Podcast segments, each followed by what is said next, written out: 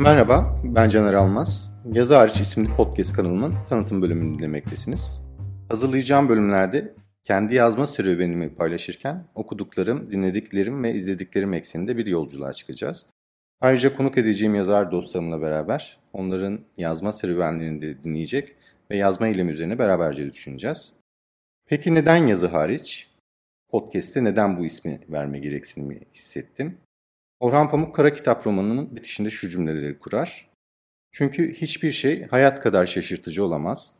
Yazı hariç. Evet, tabii. Tek teselli yazı hariç.